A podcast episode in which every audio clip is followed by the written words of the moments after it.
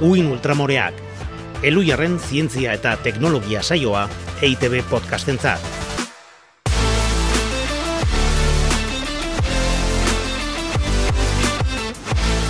Kaixo entzule, ongi etorri Uin Ultramoreak podcastera. Normalean alaitz eta biokelkarra gurtzen hasten dugu atala, baina gaur ez dago alaitz.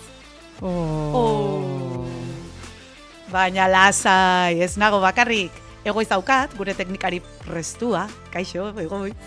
Eta alaitz ordezka ezinaren ordez, nagore, rementeria, argote! Kaixo, Txalo txalo. Eskerrik asko. Ongi etorri ez, zurea ere baden estudio honetara. Eskerrik asko. Ana Galarraga aiestaran. Eta musu bat hemendik alaitzi, hemendik eta Euskal Herriti zeitxeletara. Muxu, Miranda Power! Gaurko gaia, Ana, txibatu didazu eta nik aurkeztuko du, zer iruditzen, hemen, Bota, eh? bota. Hol- Holaxe, eh? aldundutan ator. Eh, manipulazio genetikoa, zer iruditzen, zuk aukeratutako gaia da, ongi irudituko zaizu hortaz, ezta?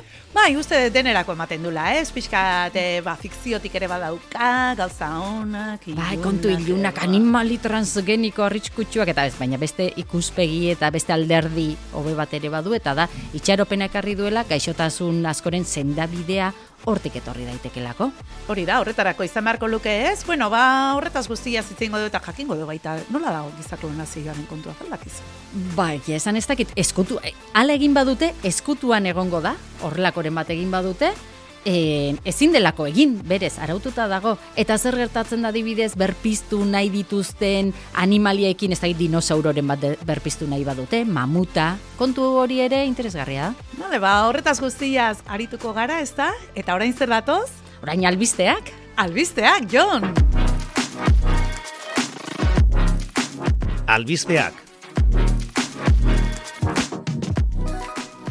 Bueno, eta albistekin zein hasiko da? Hau sortuko zea, ez da, nagore, venga ba, venga ba. aldunduta etorri zarela duzu? Arrotzea falta zait, zuen pixka. egoteko. ba, lehenengo albistean, ba hemen inguruan geldituko gara, zer iruditzen. Ondo. Gazte izen, errekale horra auzoa ezagutzen duzu? Bai. Ana? Bai, ez da? Lagunak ere bai dituguan. Begira, esperientzia oso berezia eramaten ari dira aurrera eta kontua, bueno, errekale horra auzoa. Ba, bizimodu komunal alternatiboak energia zarna txikiagoa eragiten duela frogatu dutean. Mhm. Euskal Herriko Unibertsitateko ikerketa bada, eta metodologia berri bat antolatu dute edo prestatu dute, hango energia aztarna kalkulatzeko. Pentsatu orain arte, ba, ohikoena zela, ba, energia kontsumoa kalkulatzea, hau da, ba, energia iturrietatik zenbat kontsumitzen dugun neurtu eta kito. Ja, elektrizitatea Hori bakarrik. zenba, zenba Ba, gasolina, Hori da, autoa, edo, ez Mhm. dakit, ba, garraioan kontsumitzen duguna, eta bar. Ba, energia aztarnaren ideiak, ezkutuko energia fluxuak ere hartzen ditu kontuan. Ba, hau da, ba, kontsumo osoa, ba, produktuak barne, e, eta produktu horiek nondik ekarriak diren ere kontuan izan da, haiek produzitzeko, ba, ez dakit, e, munduko beste lurralde batean ekoitzi bada, ba, zenbat energia gastatu den han. Nik txinuan eroste balin bade zerbait, antxinan hori egiteko zenbat energia gastatu duten ere kontuan hartuko Hori du. da, Eta hori trampari guain gabe. arte. Ah, claro, claro. Energia guztia, ez bakarrik zuzeneko energia. Baizik eta produktuak ere bai, kontsumitzen duguna. Eta metodo berri horrekin, ja badauzkagu emaitzak? Ba, bai, hori da, kontu, ez da horregatik ekarri dugu gaia. Konparatu dituzte Euskal Autonomia Erkidegoko energia aztarna eta errekale horrekoa.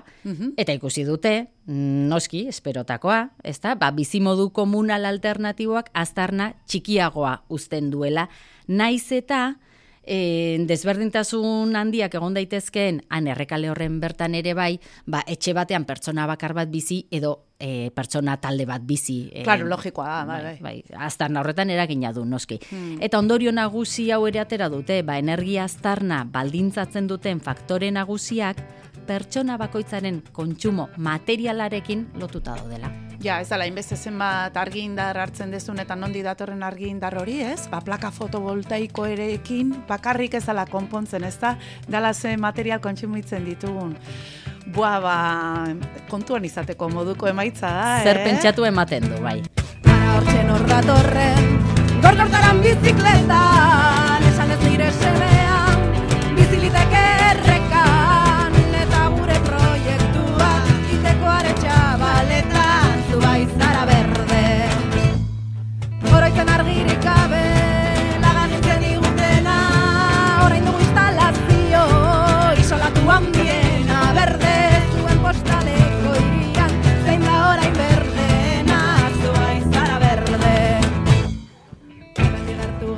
proiektu tiriti, baina ze onak. Ze ona. Onak, onak, onak, onak. Oi. Orain zure txandana. Bai, Ze berri, eta ze berri? ni, boa, gazteizi, ba, niko urrutira joango naiz, eta gainera denboran urruti badakizu zema gustatzen zaizkida, nahi paleolitoko kontu da. Ez esan neandertal kontuak ekarri behar dituzula. Ez, neandertalak ez dire izango, baina hortxe urruti urruti retzian ibiliko, eh? Haiek behar hasiko ziren, baina arreta jarri nahi diet, marrazkiak egiten zituztena paleolitoan gehien bat homo sapiensarekin lotzen dira egia esan, eta hortik abiatuta hipotesi polit-polit bat egin dute. Ea, kontatu. Bai, kontua da, marrazki horiek badakizu, uroak eta saldia, behorrak eta horrelakoak, lehoiak bai, eta oso erraz identifikatzen dira oso Irudiz, ezagutzeko modukoak, ez da? Begi bistakoak da, ze espezie den, edo ze animali den hori. hoxe. Mhm. Ba, hoiekin batea, badaude beste zeinu abstraktu batzuk. Ez dira, figuratiboak, baizik eta abstraktuak, eta batez ere daude puntuak, marrak, igrekoaren itxurakoak, eta etzekiten in- inolako arrastorik ez zeukaten, horrek zer esan nahiko tezun, baina Mo- begibistakoa da. Mortxeko dea oraindik ez zegoen asmatuta. Ez, baina zerbait esan nahiko zuten, Bai. ze, zerbaitegatik egiten zituzten, eta animalia hoiekin batera egiten zituzten gainera. Orduan, bueno, egin dute azterketa estatistiko bat, estatistika utxean oinarritutakoa, pentsatuz, irudi eta zeinu hauek, zer ikusi izango dute, haientzat garrantzitsua dan zerbaitekin, ze urtetan eta urtetan amar mila urtez eta Europa osoan erabili ziren marrazki eta zeinuak. Orduan, mm, zerket zeukan hola bere biziko garrantzia, eiza.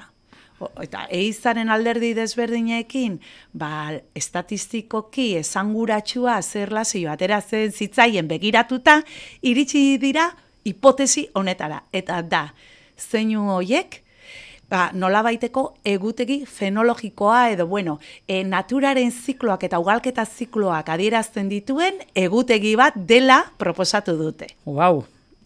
Adibidez, bueno, egutegia udaberrian hasiko litzateke, eta uro baten gainean, ba, balima daude hiru puntu, eta puntu bakoitza balima da hilabete bat, hori da hipotesia, ba, honek esan nahi du, udaberritik hasita uroak hirugarrengo hilabetean estaltzen direla. Mhm. Ugalketa garaia orduan. Bai, bai, hor, estalketa gertatzen da, eta igrekoak esaten du, noiz erditzen duen. Eta hori begiratu dute, ba, espezie desberdinekin, eta, eta kobasulo, lareun kobasulotako irudi pila batekin, eta atera zaie, ba, lotura zuzena dagoela, estatistikoki esanguratsua eta kontuan hartzeko modukoa. Egila da, ba, bueno, ba, egon daitezkela beste hipotesi batzuk, eta danak ez dituzte ez datu, ez da? Baina, momentuz e, ikusi dutenarekin bete egiten da hipotesia, eta ez dakit, xarma badauka. Bai, alegia, kalendarra edo antzeko zerbait bazutela da, hartarako, ez Hori da, importa zitzaile gauza, gu- guri ze importa dugu, hori apuntatzen dugu, ba, hauei Bai. entzako hauza Urte garrantzitsua. betetzeak apuntatu beharrean, ba, e, noiz ugaltzen edo noiz erditzen ziren, eizakinak, eizatu behar zituzten espezie horiek. Bai, bai, bai. interesgarria. Hm? Badauka, badauka bere gauza. Bai, bani beste animalia baten kontuak. Eta, bueno, ni bintzat harrituta gelditu naiz kontuenekin, Ana. Ea zuri zer iruditzen zaizun. Zubaltzenekien, inoiz izan den animaliarik handiena balea dela. Nola inoiz da Tyrannosaurus rex eta hoiek? Hoiek baino asko handiagoak. Eta rex? A ber, Bai, bai, bai. Benetan balia, boa, papasada, tiritzen zai. Bai, e, ni ere aurlaxe gelditu nintzen, nik enuen alakorik espero, eta e, agian jo, gehien impactatzen hauena da, guk ikusten ditugula gurekin batera, gure garai berean bizi den animaliak direla, inoiz izan diren animaliarik handienak eta ugaztunak dira gainera. Ja. Gertuko xamarrak, ez da? Bai, bai, joe, komentatu izan du deo, adibidez komunikazio sisteman ze antzekotasun daukaten gurekin, eta egia, ba, nitzan pentsatzen jarri, e, privilegio hori eukide borduan. Bai, Ez? bai, bai, eta seguru badakizula handietan handiena dela balea urdina, Bai, hori bai, hori bai, baina bueno, esate izute, Tyrannosaurus rexa baino ondioagoak zirenik, enuke sekula pentsatu. Ba, asko handiagoak. Hogeita mar metro luze, eta eun eta lauro, laurogeita mar tona izatera iristen dira. Eta beste datu interesgarri bat, hor googleatzen ibili nintzen kontu honekin harrituta gelditu nintzelako, eta, bueno, ni oraintxe, en, zera, e, bale urdin hemen superfana naiz, nere idoloak dira, zu badakizu, balekume batek jaio berritan, zenbat kilo irabazten duen egunero, egunero, egunero, egunero, amaren esnea bakarrik hartuta, noski, bale urdin eme, senyora ederroien esnearekin elikatuz, zenbat kilo, uste duzu, azten direla balekumeak. Bueno, ez dakit, baina eundalaro geita amar tona izatera iristen badia, zenbat urte bizidia baleak, ez dakit, ez dakit, zenbat, ez dakit, ez dakit, nagore, esan, esan. Gero krila jaten dute eta kril tona asko jan beharko dituzte, baina egunean laro geita mar kilo irabazten ditu balekumeak. Buala gore. Zenbat esne sortu behar da horretarako? Hau da, bularretako mina jartzen dena Buah. pentsatze utzarekin. Bai, bai, bai, bai, bai. Laurogeita hamar kilo irabazi. Kutxillokin konformatzen dian. Eskerrak, eskerrak. Eta ba, balea emeak, bai, bai, senyoren podiuman oso goian, eh? Benetan, Baina hoiek oso. bai powerra. bueno, ba, tamaina zari garela, bale, ordena Bai. handiena, ez da, baina beste batzuk ere nahiko gertu daude, eh? Zere arruntek hogeita, baz, oi, barkatu, hogeita bost metro, arditzakete, Aha. katxaloteak ere ornun bait, gutxi gora bera, sibartak emeretzi, baleak groenlandiarrak amazazpi, baleak grisak amabost, benetan, tamaina, ikaragarriak dira, erraldoiak dira, baina ez pentsa beti horrela izan denik. Dirudienez garai batean, ba, haien tamaina izango zen, ba, ez dakit, leo, itxasleoi batena, Zein foka erraloi bai, fo- horiek. foka handi handi Bai. hoien tamaina, pentsa, balea batekin Ja. konparatuta, txikiak, Txikiak. dira, ez da? Ba, duela bost amar milioi urte, hasi omen ziren azten, ba, gaur egun duten tamaina hartu arte.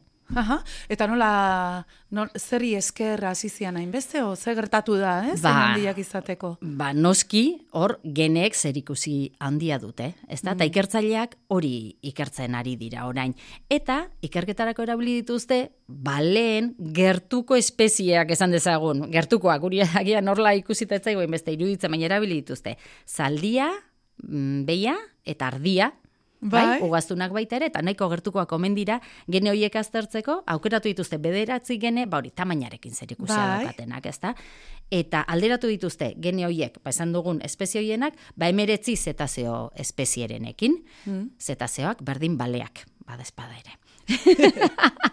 Eta ikusi dute, bederatzi gene horietatik lau, lauk iraun dutela edo hautezpen positiboa izan dutela? Aha. Orduan, lau ikusi dute, ba, e, evoluzioan garrantzia izan dutela lau gene horiek. Zer gertatzen da, baina, tamaina handitzeak askotan minbizi arriskua handiagotzen du baita ere, eta orduan, baleek hor bazuten arrisku bat, ez da, onditu ala, ba, minbizia izateko, eta horrek nolabait gelditu ingo- egingo luke evoluzio hori. Ba, hain zuzen ere, lau gene horiek, badirudi, babestu egiten dituztela baleak minbizia izatetik. Orduan, biak bat datoz, Hotzan txarra izango guk ere horlako gene batzuk izatea ez, ben gene babesle batzuk. bai, baina gero erraldoi, gero izatea, horrek erraldoi, ekarriko zizkigun beste algondorio batzuk, eh, bai. asko. Asko, eta gure planetari zer esanik ez, Jo, zema beharko genuke. Bai, bestelare ja nahiko triskantzaiten deu, eta... Eta gero, laro mar kilo az, e, egunero, hasi beharko litzateke gure kumea, zenbat esne, sortu beharko genuke. Mm, igual horrela geldituko gara, eh, Ana? Hori ere. Bueno, bueno, ba, nere azkeneko albisteak ere badauka zerikusia genetikarekin, eta da hain justu, Ameriketako estatu batuetako giza genomaren elkarteak irurogeita ama urte egin dituela eta adierazpen bat atera duela. bueno, zoriona, lehenengo, dago Zorionak, kionari. oso ondo, baina adierazpen horre zer esaten du, zer esaten du, horre dauka mamila. Mhm. Eta da, adierazpen horretan barkamena eskatu dutela, historian egin dituzten barbaridadeekin oinarrituta hain justu ikerketa genetikoetan.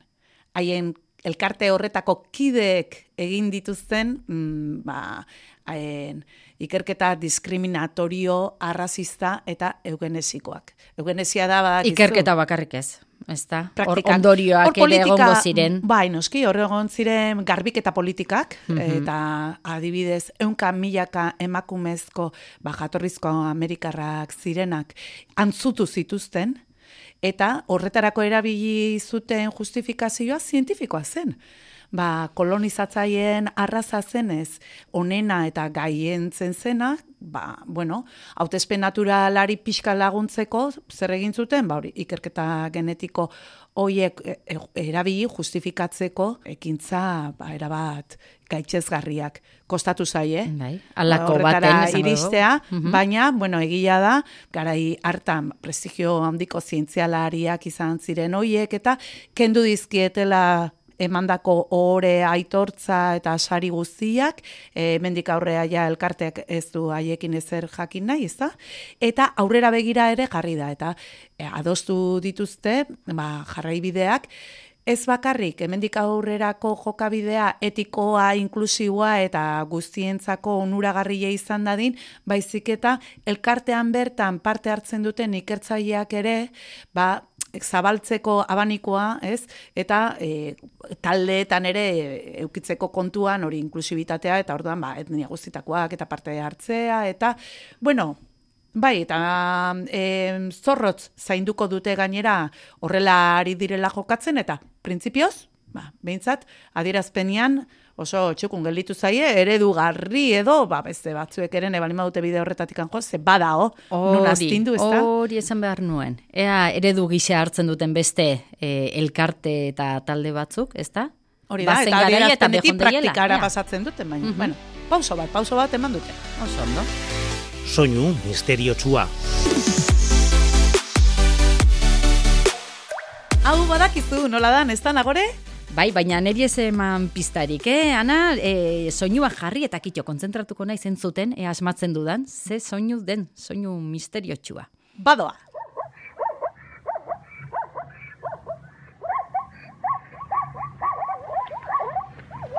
Babukaeran argituko dugu, ez da? Wow! zer pentsatu eman didazu, bukaeran esango dut zer iru- iruditu zaidan ere. Hori da, eta oantxe ja bagoa zuzenean manipulazio genetiko aztertzera uin ultramoren pean. Uin ultramoreen begirada.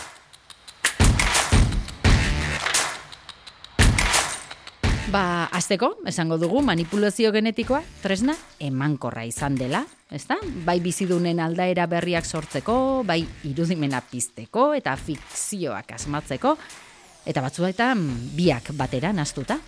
Oegia, ni bastante zaldea naiz, eh, zientzia fikzioa eta manipulazio genetikoakin lotuta, ba, ez daki, ba, Ursula K. Le Guin eta e, Margaret Atwood eta hau edana, baina, oiek, hau ez da literatura podcast bat, eta Mm, zuzenean, ez, jo beharko dugu gurera, eta generitza genetikoaren, ba, adibiden nabarmenenak emango ditugu, eta nabarmenenetan, nabarmenenetakoa edo, teknika erabilena behintzat, crisp izango dugu, ez? Hemen, hemen, hemen, hemen, crisp, kri, kri, kri, kri, ekarri dut. Crisp, crisper zorro bat. Zer CRISPR, iruditzen? CRISPR, CRISPR. Ez aldizu gogorarazten, Ana, e, e, izen honek CRISPR, hola, ni beti pentsatu izan dut. Ba, zorroko, osea, patata pirkitu horiek edo izan behar dutela. Ez da, nahi, hemendik e, begira, material genetiko itxura dauka, zer tokatu zaizu zuri? Kromatina, DNA... Gure ize batzu, gure ize batzu. Crispaekin zerikuzia daukala. Eta bai, gustatzen zait hori, eta gainera gustatzen zait asko Crisp, ba bere garatzaile nagusiak bi emakumezko direlako, Jennifer Donna eta Emmanuel Charpentier. Mm, bi emakume, bi senyora, hauen ekarpena, bueno, esan behar da, harrigarria dela, ez da, hauen ekarpena zenbaterainokoa izan den, eta hori erakusteko datu bat Nobel saria jaso zuten. Kimikako Nobel saria 2000 eta hogeian. Eta hori gutxi balitz, beste datu bat Nobel sari honekin zerikusia daukana, eta da, biek bakarrik jaso zutela e, saria. Bakizue, banatu egin daitekela saria, ez da? Ba, asko jota, hiru ikertzaileen artean, hiru pertsonan artean. Eta raro xamarra da, esango nuke lehenengo aldia, bi emakumek bakarrik jasotzen dutela, bez, gizonezko baten eskutik joan beharri gabe. Hori da, lehenengo aldia. Ez dira, ez da, amar emakumezko saritu kimikan mila bederatzireun eta batetik, hasi zirenetik Nobel sariak ematen, eta lehenengo aldia bi emakume gizon baten laguntzarik gabe ere lortzen dutena, beraz, ba, baten bat izango dira, bai. Bai. Eta horretaz aparte, eta e, ja gainea krispen ba, nahiko fana izateko, gauza onak ditu, merkea dela, nahiko segurua, denen eskura dago, eta erraza. Denak, denak ikertzaileen eskura esan nahiko duzu. Bai, baina laborategi Bai. arruntetan Ah. ere egin daiteke, eta horregatik da teknika izarra. Mhm. Guraiz genetikoa ere deitu izan zaio horregatik esan dizu lehen e, guraizarena, Bai. ba, azkenean horrela funtzionatzen dulako, DNA mozten du, eta e, nahi diren geneak kendu edo ordezkatzen dira, eta berriro itxatxi. Horregatik baitare deitzen zaio hori, moztu eta itxatxi teknika.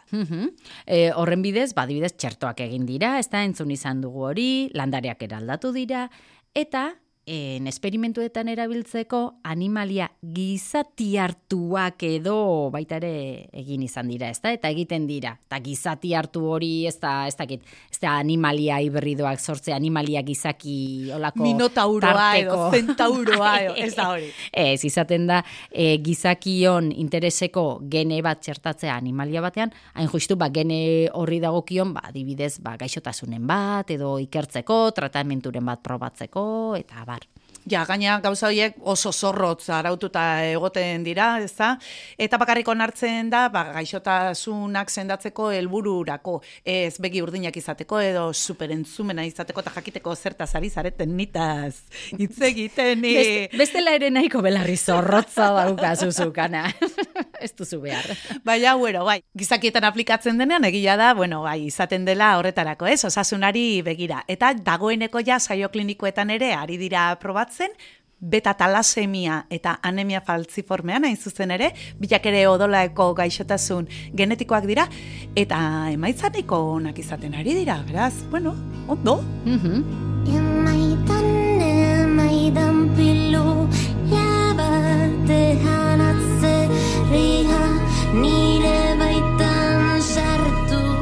Ikerketa hoiek, ba, segurtasun eta etika irizpide zorrotzenekin egiten dira, jarraipen egiten zaie, eta bar, noski, baina beti muga bat jartzen denean, beti dago norbait, mugatik aragoxiago joan nahi duena ez da, eta ba, horren, ba, ez dakit, adibide nabarmen nabarmen bat, e, Hei Janjui, ez dakit, ongi esango dudan, Baina, ore, ondo, geian, hui. Hei Janjui, eh, gogoratzen, kasu Boa, gogoratuko horrekin. naiz, ba. Hori- Oraindik ere, oraindik ere, puri-purian dago, bolo-bolo dabil kontu hau, kontatu gana nola izan da hau. Bai, aukartzelara sartu zuten eta guain dela gutxi atera da, Oh. orduan, ba, berriro berpiztu da polemika, eta kontua da, ba, honek egin zula, 2000 eta emeretzian esan zuen, e, izan zituela, jaio zirela bi aur, genetikoki... Bikiak, bikiak, bai. bai, manipulatu zituela embrioi fasean, zertarako eta IESarekiko erresistente izateko. Hau da, gibarekin infektatuta ere eta botikarik hartu gabe, ez zirenak inoiz gaixotuko. Hombre,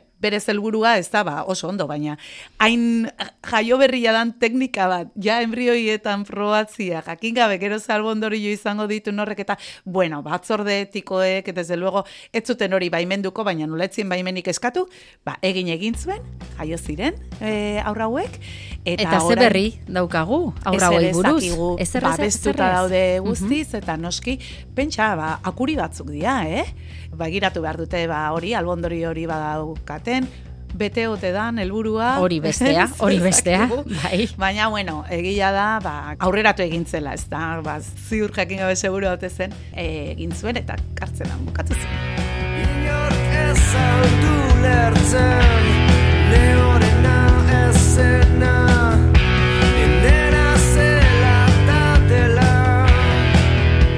horlako salbuespenak beti egoten dira, ezta, baina ikerketak eman ditu bestelako emaitzak, emaitza posgarriak eta adibidez, 2022an leuzemia zuen neska bat salbatzea sortu zuten eskazu hortan CRISPRekin, baina ba, bazen editoreekin, hau da, geneak e, interruptoreak bezala isiltzen dituen teknika batekin. Isiltzaren hori txarra ez, eta are gehiago. Denean egitearekin konformatu gabe zergatik ez pertsona osoak isildu interruptorio bat eman da. Isildu, Eh? ez dakit utziko diguten. Manipulazio genetiko eraginkorra eta baliagarri izango litzateke ba hori, eh? Bueno, eramango dugu, eh, batzorde etikoetara, ea zer dioten, baina iruditzen zaitez, etze, ana, horretarako ez da eh, manipulazio genetikoa. Ez. Oh. Bueno, eta beste gai bat hasieran aipatu duguna, desagertutako animalia espeziak berriz ere gurera ekartzekoa, e, berpiztekoa. Eta hori klonazio bidez egiten dute, ezta? Hori da, hori da, klonatu egiten dute, e, sartzen dute o- material genetikoa kendu zaion en, obulu batean, eta orduan obulo hori garatzen da. Horretarako noski behar dute, ama bat, ez da, umetoki bat behar dute, eta esate baterako, mamuten kasuan, ba, erabiliko dute elefante bat. Ui, ama, elefante gaixua. eme bat. Inork galdetu ez da, en, Ja. mamut embrioi bat sartu. Ez da, o elefanteen duen. batzordetik horik aiei galdetzeko nahi alduten mamut bat erdi... Ez que, claro, erditzia elefante bat mamuta... Mm, ez dakit, tira, ikusiko dugu. Oraingoz, hortan alegindu behar direla, esan dute, Aha. ez dakit, egingo duten. Mani badakit hor saiatu zirela bukardoarekin, bukardoa da hauntz basati bat Pirineotan bizi zena, hola adarrikaragarri handiak eta zituna eta noski eiztarientzako pieza preziatua, hain preziatua, ba desagerrarazi egin zutela. Eta azkena bizirik gelditu zena hiltzenean, ari hartu zioten material genetikoa, egin zuten klonazio teknika osoa, eta hauntz baten, e, bueno, batez, eh, embrioi bat baino gehiago, hauntz batzuen, umetokietan ezarri zituzten, eta jaio ere jaio zen bat, eta ordu batzuk iraun zituen biziri, baina oso gutxi. Eta deitu izan dut hau jaka, jakan egin zuten, eh? Eta deitu izan dut tarteka jakiteko ba, ia nola e, daoen asuntua, ba, asmori badaukaten e, beste saiakera batzuk egiteko, ze momentuan ala esan zuten, baina dirurik ez daukate, eta mo- hori ja erabat geldiri dago. Ja, mamutak ez dakit, interes e, gehiago pizten du ez da, eta diru gehiago eramango du bukardo, bai, salgarriagoa da. bukardoak baino, bai, bai. Ba, Tira, pena, pena. Ba, pentsatu, batzuek neandertala ere e, berpiztu nahi dutela. Enez, hartzen nik nahiko nuke. Nik klonatu adibidez, ba, pasiatzea jun eta bitartian bestean lanean utzi eta bitu zondo. Mesedez, ana, zu bezalako bi, ez ez ez, mesedez, ez. Egia, gezurra, ala ez dago nahikoa evidentzia. Bueno, atal hau ere badakin dagore guztuko dezula, ez? Hemen mitoak eta berraztertzen ditugu eta ikusten dut zenbateraino dan egila edo ez? nola ez, nola ez. Esango dira zu zer iruditzen zaizen da. Bota. Marrazoak ezagutzen dituzu gertutik tokatu zaizkizu, badiezu beldurrik. En, ez diet beldur berezirik, ez ditut ikusten eta ne- nire egunerokoan, ba, baina nire itxasuan ibiltzea gustatzen zait, eta ez dut pentsatzen marrazoetan, alakoetan, ez, ez bereziki. Ba hemen doan ere bai ez ba. Marrazoak jakingo luke zu edo beste harrapakin bat. Horri inguruan dabilen ala ez, bakarrik bihotzen taupadakin sortzen den elektrizitate pultsoagatik. Bai, ala ez, baldun gaitasun hori. Uh, hori ala baldin bada benetan emango didate beldurra, marrazoek. Alegia... En... Komeni zaizu esatea ez ez, ez, dala egia. Ez ez, bestela ere nahikoa gaitasun badute harrapakinak harrapatzeko, ba, gainera olaxe geldi daudela eta eskutatuta egonda ere, haien bioztaupada antzen bateko, ez, en- ez ezkoa e, botako dut. Ba, bai, gai dira. Hori Wow. detektatzeko, pultsu elektrikoak detektatzen dituzte, eta orduan bat taupadak ere bai, eta horregatik dira hain eiztari onak. Makina batzu dira. Makina. Argi dago, makina batzu dira, marrazoak, ba, ba, gure errespetu osoa marrazoei. Marrazoekin lotutako beste bat botako dizut. Bota, Anaz, ea, e, egia gezurra, ala, ez dagoen nahiko evidentzia honetarako. Marrazoen horroa, lehoiena baino, ozenagoa da. Ez ez behin ere entzunik, marrazo bat, horroka. Eh, seguru, pelikuletan ere ez edo... Pelikuletan bai. Baina, ena ez fila, eh, ba, ena ez asko filatzen, ze pelikula horiek ez dira, neko fantasiosoak izaten dira. Ba, mm, a ber, jo, ez dakit ul- ultrasoinuekin eta egiten dituzte kantuak eta zetazeoek, baina... Hauek arraina dira, eh? Hauek ez dake zer ikusirik, eh?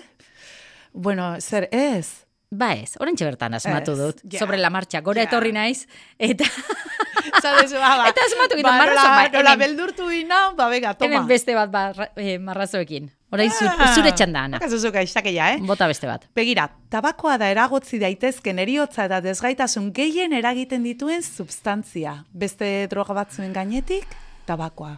Wow, Bai, ba, ez. uf. Gaia gogorra da, eh? Oso. Mm, Nik, nik uste dut egia dela. Eta arrazoia duzu. Egin dute azterketa bat mundu mailan eta txostenean argi utzi dute, ba, justu, gainera baitu, eh, prebenigarria da. Ez, hor dago, ez? Eh, am, amurrua edo horrek ematen du. Eta bai, bai, eriotza eta desgaitasun gehien. Eta gainera, e, ja, uf, ba, zer pentsatu ematen du, em, lehen mundua deitzen diogun honetan, bueno, ba, mendebaldeko gizarte hauetan, erretzari uzten ari gara, ba, ja, erakutsi delako soberan, ze kaltegarria dan, baina, Ba, tabako industria jarritu behar du bizirik, eta eh, herrialde pobretuetan kanpaina ikaragarriak egiten dituzte, ba, jendeak erredezan, eta horra ari da iotzen asko. Bai kontsumoa eta horrekin batera, ba, dakartzan gaixotasunak. Ze gauza, eh? Ja. Jakinarren, ba hori, kalte egingo dizula ezin utzi. Ja. Mendekotasuna erabatekoa. Bai, bai, bai, bueno, provokatua, klar, orduan, bai, gogorra da. Mhm. Bueno, goa- goazen. Eh, Bai, a- zerbait, zerbait arinagoa, arinagoa, arinagoa, nagore, venga. mesedez. A- Arinkeri txiki bat, arinkeri txiki bat. En, oz daukasunean, ana, dardarka azten zara, ez da? Bai, bai. Otzikara batean hor. Zuk uste duzu otzikara hoiek en, lortzen dutela zure gorputza berotzea?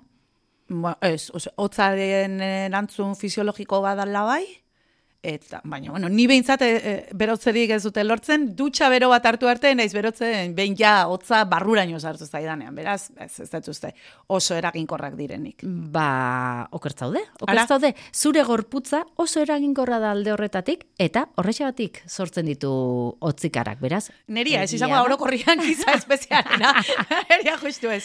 Badirudienez metabolismoa bost aldiz azkartzen da, Ostras, eh, uzkurdura zerbait, hoiekin, eta bai lortzen da, zertxo bait. Berotzea, ba, dutxa bero bat eskura baldin badukazu noski asko eraginkorragoa izango da, baina bestela, ba, otzikare Bueno, bere nire funtzioa gorputza orduan betetzen saiatu saiatzen da, utzi beharko dio saiatzen, eta bueno, ikusiko du lortzen duen. Ba, eskerrik asko informazioagatik, nagore, eta guain, soinu argituko dugu, ondo? Ba, bai, bai, bai, bai, bai, ni zainago. Berri, berriz jarriko dugu, ezta? Ba bai, marrazoek ez dute horrorik egiten, baina guk hemen badaukagu soinu bat argitzeko eta esan duzun bezala berriro jarriko dugu. Hoi da.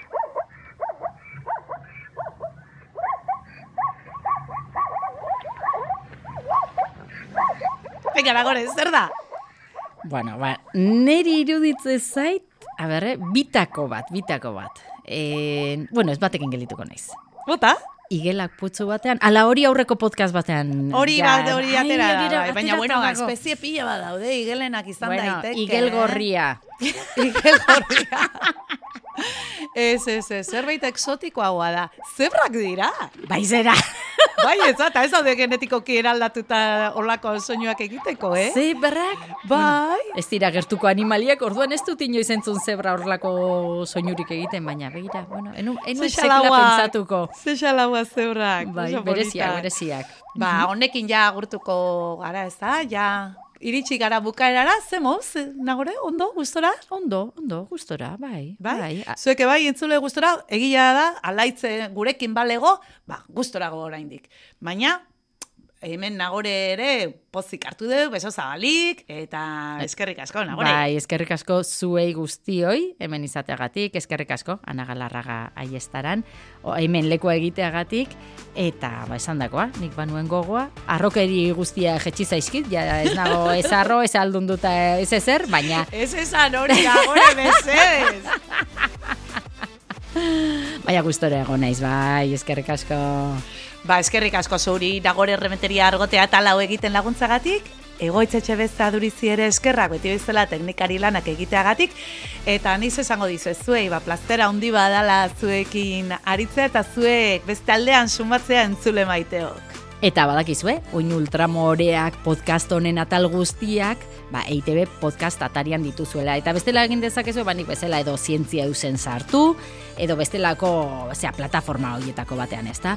iBooks, Google Podcast, Apple Podcast, edo Spotify. Eh? Beraz, ba, gustatu bazaizue, barpidetu, lagunei pasa, propaganda egin, venga, aurrera. Ba, hoxe, aurrera eta aurrengora arte, aio, ondo bizi! Agur.